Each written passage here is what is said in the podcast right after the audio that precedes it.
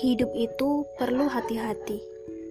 Tidak heran, ketika sebelum melakukan apa-apa, sering kali kita mendengar orang terdekat mengingatkan kita. Kamu hati-hati ya. Hati-hati. Dah, hati-hati. Ya, memang hidup perlu hati-hati.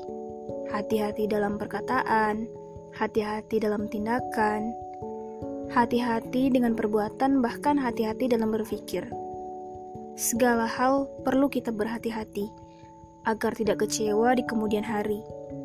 Hati-hati menjaga perasaan orang lain agar tidak tersinggung dengan ucapan dan tindakan kita.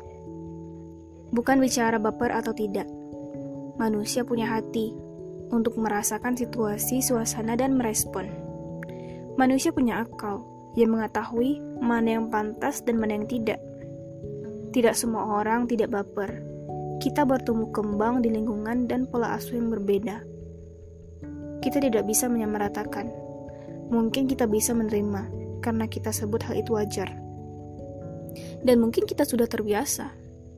Tapi tidak pada orang lain. Bisa saja mereka menganggap hal itu tidak wajar. Ajaran budaya, agama juga mempengaruhi tidak hanya itu, ada hal yang sangat berperan dalamnya, yaitu prinsip yang terbentuk dari kebiasaan, pola motivasi, dan tujuan. Itulah mengapa kita diminta untuk memahami, toleransi, empati, simpati, dan saling menghargai. Karena hidup bukan tentang diri kita untuk hari ini, esok, dan seterusnya, tapi tentang kita dan mereka. thank you